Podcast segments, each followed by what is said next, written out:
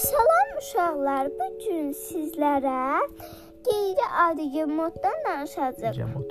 Becemotdan danışacağıq. Sən telefon nömrəni. Yaxşıdır. Bunu da tutaram bax danış. Uşaqlar nağla başlayırıq. Bir gün çimə, çimərlik səs-küylü idi. Hippo hamıdan çox hələnirdi. Yəni hippo cebemotdur da. Başa düşdünüz becemotdur. Hipopotam. əylənirdi. Günəşin parlaq şua, şüaları altında ilıq su, suya tullanır. Sevinclə atılıb düşürdü. Amma onun sevinci uzun sü- sürmədi.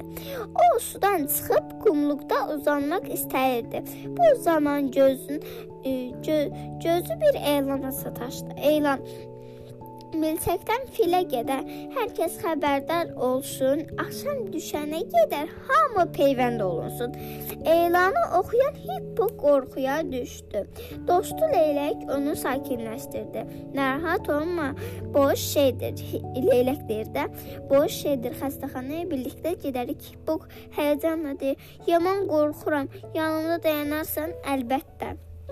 Leylək deyir əlbəttə sözdür.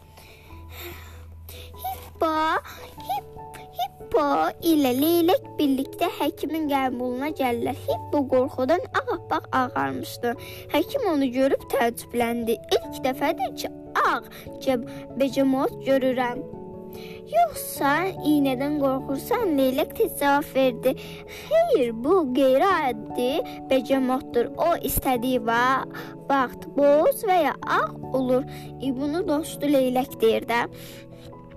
Həkim elə iynəni hazırlayırdı ki, Hippo otaqdan yox oldu. Hamını, hamı onu axtardı. Həkim narahat oldu. Təcili Hipponu tapmaq lazımdır. Hər tərəfi sarılıq xəstəliyə bölünüb. Əgər peyvənd edilməsə sarılıq tutar. Yəni onu ə, xəstəlik tutar da. İynədən qorxur deyirsən. Hə, qorxur. Səhər gün Leylək Hipponun evinə getdi. O yataqda uzanmışdı. Mən biraz xəstəyəm, elə danışıram. Hal, halı yox idi. Rəng, rəngi də sapsarı olmuşdu. Leylək təəccübləndi. Ay aman, sənə nə olub? Limon kimi saralmısan. Sapsarı. Sapsarısan. Leylək dərhal həkimi köməyə çağırdı. Tezliklə həkim gəldi. Leylək deyir də. Həkim Hipponu niyə həkim Hippo niyə sa- sa- sapsarı olub? Axı Axı siz özünüz dediniz ki, o xüsusi becemotdur. İstədiyi vaxt boz, bəzən də ağ olur. Leylək başını aşağı saldı. Xeyr, doktor Hipponun rəngi qorxudan ağarmışdı. Qo- qorxudan ağarır və iynədən qorxur deyə e, ağarır.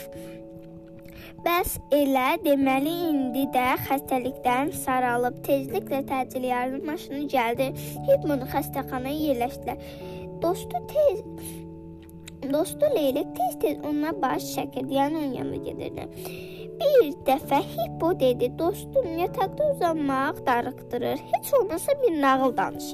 Leylək na Leylək nağıl söyləməyə başladı.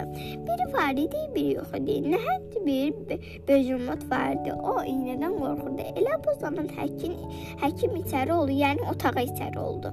Qızam, hə, qızarmış bunu görüb təəccübləndi. Təəccüblə dedi: "Bu nə olub? O a, o boz, ağ, sarı idi. İndi isə qıpqırmızıdır. Bu doğrudan da qeyri-adi qeyri-adi becomotdur. Xeyr, həkim sadəcə iynədən qorxduğu üçün çox tanır. Yazanı Vladimir Sendata Üstev. Üstəyev. Uşaqlar, siz də az mən bu oxuduğum nağılı bilirsiniz, kitabdan oxumamışam. Bu 2-ci sinifdə keçdiyim Azərbaycan dili, yəni dərs kitabımdır da, Azərbaycan dili kitabımdır. Bu içində bir çox nağıl var. Onları danışa bilərsiniz. Sonra sən sertifikat niyə almısan qızım? Uşaqlar, mən niyə sertifikat almışam? Bu vaxtlarınızda bəzi iş elə bütün günü oynayıb, elə oynayıb yazmayasınız ki, istəsəniz sevdiyiniz bir işlə, yəni evdə iş yox da, Heydər Əliyev mərkəzində bir küç e, e, çoxlu kurslar var. Rəsm kursu, rəqs kursu, gimnastika kursu, e, dillər kursu belə var. Çox çoxlu kurslar var. Bunlara istədiyiniz vaxt girə bilərsiniz. Orada arkadaşlar var. Orada dostlarınız çox olacaq. Çoxlu əylənəcəksiniz. Özdə eləcə o o şey e, o işlə məşğul olmayacaqsınız ki, e, el, elədiyiniz işlə işlə çox əylənəsiz. Yəni onunla oyun oynayasınız da. Bir rəqs, e, gimnastika eləyirsən, gimnastikada mahnı qruplar, e, o nədir? Dans eləyəcək mahnı, rəqs eləyəcək mahnı.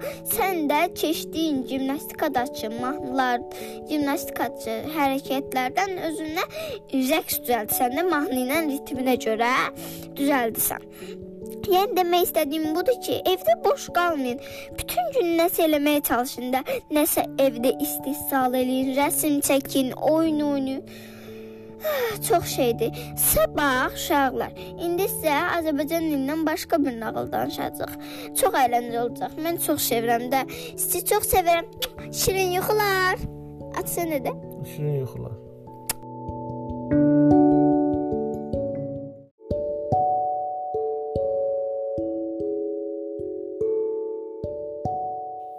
Salam uşaqlar.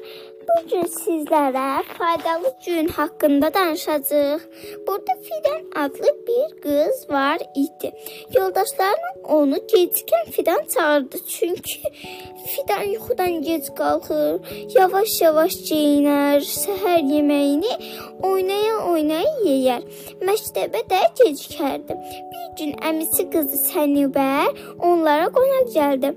Bu gün onlarda qalacaqdı. Səhəri anası onlar Səhər anası onları çağıranda Sənubər o dəqiqə qalxdı. Fidan da ona baxıb çarpaydan durdu. Sənubər yuyundu, Fidan da yuyundu. Bir yerdə səhər yeməyi səhər yeməyini yeyib bit, bitirib məktəbə hazırlaşdılar. Fidan və Sənubər həmin, həmin gün bir yerdə keçirlər. Fidan əmisi Fidan əmisi qızından geri qalmamağa çalışırdı. Bir də nə cür yaxşıdır, hər şeyi vaxtında elədi ki, elədi ki, heç dərsə də gecikmədi. Ev, tapş ev tapşırıqlarını da vaxtında bitirdi. Lap məhdəl qalası iş idi. Axşam Sənubər ev e, evlərinə getdi. Fidan isə xeyli düşündü.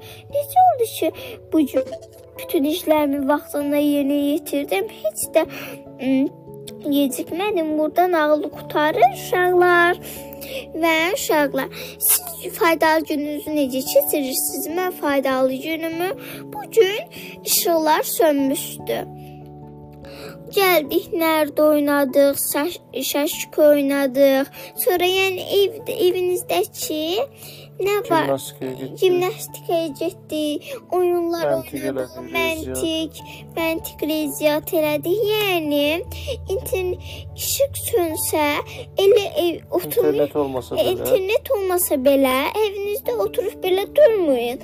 Nə silin dərslərinizi, yazın qalmadığı dərslərinizi, oynayın, dərslərinizi hazırlayın. E, nə desəm məntiq eləyin.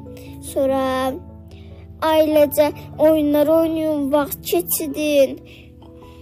Yəni bir çox şeyi eləyə bilərsiniz.